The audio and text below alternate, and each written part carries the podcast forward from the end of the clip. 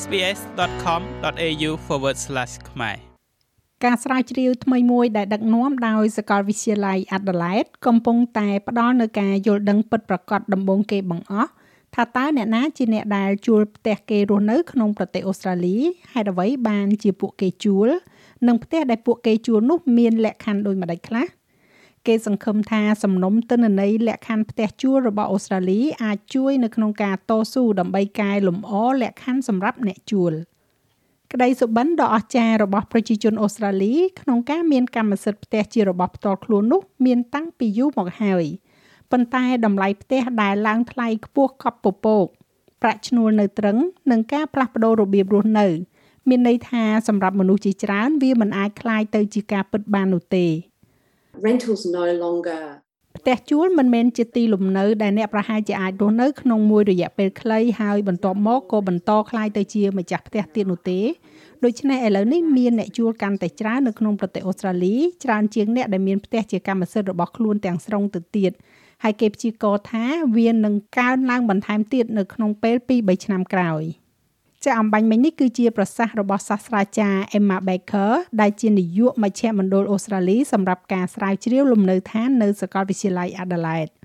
លោកស្រីបានដឹកនាំការសិក្សាមួយដើម្បីបង្កើតនៅសំណុំទិន្នន័យដំបូងនិងធំបំផុត ស្ដីអំពីភាពពិតនៃអ្នកជួលផ្ទះនៅក្នុងប្រទេសអូស្ត្រាលីក្រុមការងារបានប្រមូលការឆ្លើយតបស្ទង់មតិប្រមាណជា15000នាក់ពីអ្នកដែលជួលផ្ទះគេរស់នៅ ទាំងផ្ទះរដ្ឋនិងផ្ទះឯកជន ដើម្បីរកឃើញថាតើអ្នកណាគឺជាអ្នកជួលមូលហេតុដែលពួកគេជួលនិងលក្ខខណ្ឌនៃអចលនទ្រព្យអ្វីខ្លះដែលពួកគេជួល what we found is a really អ្វីដែលយើងបានរកឃើញនោះគឺពិតជាស្ថិតនៅក្នុងវិសាលភាពដ៏ធំនៃកម្រិតប្រាក់ចំណូលដូច្នេះវាមិនមែនមានតែអ្នករស់នៅក្នុងផ្ទះជួលដោយសារតែពួកគេចាំបាច់ត្រូវជួលនោះទេវាមានមនុស្សជាច្រើនដែលរស់នៅក្នុងផ្ទះជួលដោយសារតែពួកគេចង់ដោយសារតែពួកគេចង់រស់នៅជិតសាលារៀនកូនកូនរបស់ពួកគេ ពួកគេចង់រស់នៅក្នុងតំបន់ដែលស្អាតពួកគេប្រហែលជាត្រូវផ្លាស់ប្ដូរទីតាំងដើម្បីការងារហើយក៏មានផងដែរគឺជាប្រជាជនអូស្ត្រាលីមួយក្តាប់ធំដែលពួកគេកំពុងតែរស់នៅក្នុងផ្ទះជួលខណៈដែលពួកគេរងចាំសន្សំប្រាក់សម្រាប់ទិញផ្ទះហើយបន្ទាប់មកទៀតមានមនុស្សជាច្រើនដែលនៅផ្ទះជួលដោយសារតែពួកគេមិនមានលទ្ធភាពធ្វើជាម្ចាស់ផ្ទះ សាស្ត្រាចារ្យ Baker មានប្រសាសន៍ថាខណៈពេលដែលលោកស្រីធ្លាប់រំពឹងពីភាពខុសគ្នានៃរដ្ឋនីមួយៗប៉ុន្តែបញ្ហាដែលអ្នកជួលជាច្រើនបានរាយការណ៍មកនោះ គឺមាននៅគ្រប់រដ្ឋទូទាំងប្រទេសអូស្ត្រាលី rental affordability you know លទ្ធភាពនៃការជួលជាបញ្ហានៅគ្រប់រដ្ឋនិងដែនដីទាំងអស់វាមានបញ្ហាខ្ពស់ជាងគេជាមួយនឹងលទ្ធភាពនៅទីក្រុង Melbourne និង Sydney ប៉ុន្តែនៅពេលដែលអ្នកគិតដល់រដ្ឋដូចជា Tasmania និងរដ្ឋអូស្ត្រាលីខាងត្បូងទោះជាយ៉ាងណាប្រាក់ឈ្នួលមានទំនោរទាបជាងគេបន្តិច។ការព្រួយបារម្ភយ៉ាងខ្លាំងចំពោះអ្នកស្រាវជ្រាវគឺលក្ខខណ្ឌមួយចំនួននៃអចលនទ្រព្យដែលពួកគេកំពុងតែរស់នៅ between 20 and 20ចន្លោះពី20ទៅ25%នៃផ្ទះជួលទាំងអស់ពិតជាពិបាកនឹងធ្វើឲ្យកក់ក្ដៅក្នុងរដូវរងាណាស់ហើយអ្នកដឹងទេច្រើនជាង1ភាគ4នៃផ្ទះជួលមានបញ្ហាដាមផ្សិត លោក Leo Patterson Ross គឺជានាយកប្រតិបត្តិនៃសហជីពអ្នកជួលនៅរដ្ឋ New South Wales the big 3 that we hear about ចំណុច3ធំធំដែលយើងបានស្ដាប់ឮជាពិសេសពីអ្នកជួលផ្ទះឯកជន គឺការបណ្តេញចេញ ការជួសជុលហើយនៅពេលដែលម្ចាស់ផ្ទះគម្រាមកំហែងលើប្រាក់កក់ឬក៏ធ្វើការទៀមទាពីប្រាក់កក់នោះគឺប្រហែល60ទៅ70%នៃការងាររបស់យើង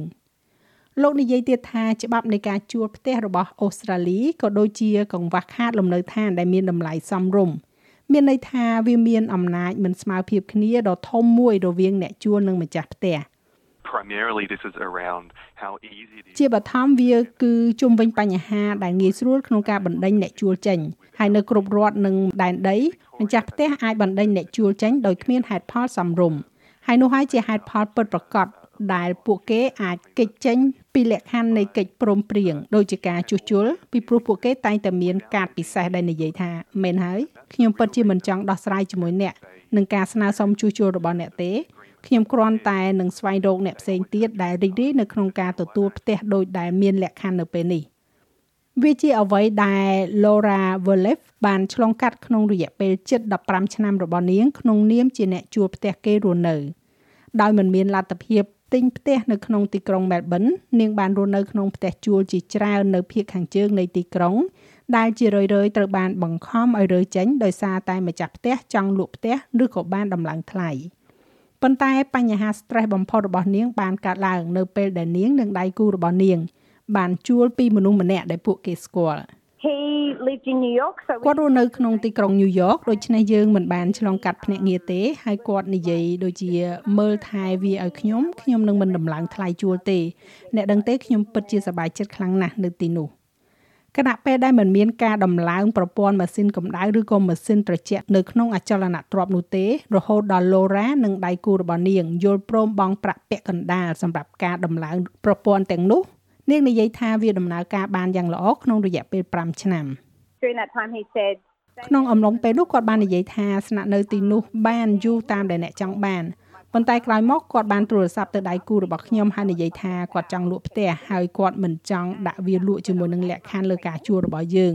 ហើយនោះគឺជាពេលដែលខ្ញុំមានផ្ទៃពោះ8ខែហើយ Greg ដៃគូរបស់ខ្ញុំហៀបនឹងទៅក្រៅប្រទេសរយៈពេល6សប្តាហ៍ ម្ចាស់ផ្ទះទុកពេលត្រឹមតែ30ថ្ងៃប៉ុណ្ណោះដើម្បីឲ្យពួកគេរើចេញ I did some research into whether or not ខ្ញុំបានធ្វើការស្រាវជ្រាវខ្លះៗចង់ដឹងថាតើគាត់ពិតជាអាចបណ្ដេញស្ត្រីមានផ្ទៃពោះជិតគ្រប់ខែចេញបានឬអត់ហើយវាហាក់ដូចជាគ្មានការការពារសម្រាប់ពួកយើងនោះទេបទពិសោធន៍នោះគឺជាកម្លាំងចិត្តដ៏ចម្បងដែលនៅពីក្រោយការសម្រេចចិត្តរបស់ Laura និងដៃគូរបស់នាងដែលរួមគ្នារកប្រាក់ឲ្យបានគ្រប់គ្រាន់សម្រាប់កក់ទិញផ្ទះនៅក្នុងតំបន់ជនបទនៃរដ្ឋ Victoria លោក Leo Patterson Ross មានប្រសាសន៍ថាវាច្បាស់ណាស់ថាស្តង់ដារអបបរមាសម្រាប់អ្នកដែលអាចដាក់អចលនទ្រព្យជួល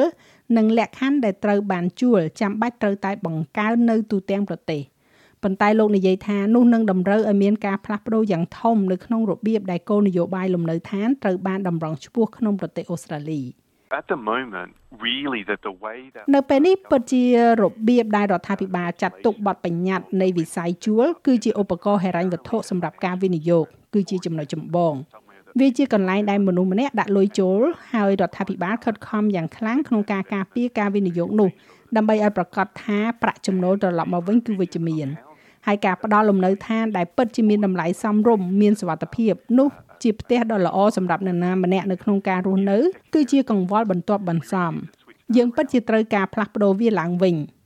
សាស្ត្រាចារ្យ Emma Baker មានសុតិធិនិយមថាប្រទេសអូស្ត្រាលីកំពុងឈានទៅដល់ការកែប្រែមួយចំនួនហើយហើយលោកស្រីសង្ឃឹមថាសំណុំទិន្នន័យលក្ខខណ្ឌលំនៅឋានជួលរបស់អូស្ត្រាលីនឹងបង្ហាញនៅតម្លៃដែលមិនអាចកាត់ថ្លៃបានក្នុងការជូនដំណឹងកាន់តែប្រសើរឡើងអំពីគោលនយោបាយ ការគ្រប់គ្រងសហគមន៍និងការចំណាយលើហេដ្ឋារចនាសម្ព័ន្ធក្នុងការឆ្ពោះទៅរកការកែលម្អមួយចំនួន Victoria's led the way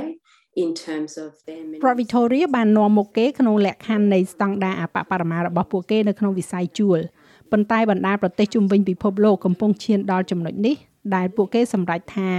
អ្នកត្រូវតែផ្ដល់នូវគុណភាពរស់នៅអបបរមាសម្រាប់អ្នកនៅក្នុងវិស័យជួល និងនៅក្នុងទីផ្សារលំនៅឋានដែលកាន់តែទូលំទូលាយ